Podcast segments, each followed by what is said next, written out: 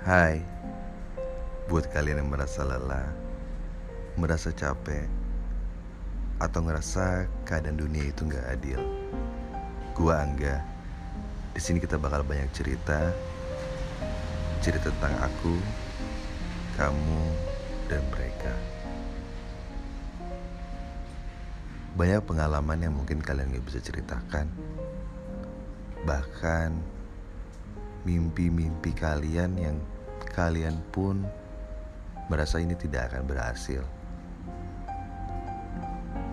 Kalian gak sendiri. Baik yang merasakan hal sama,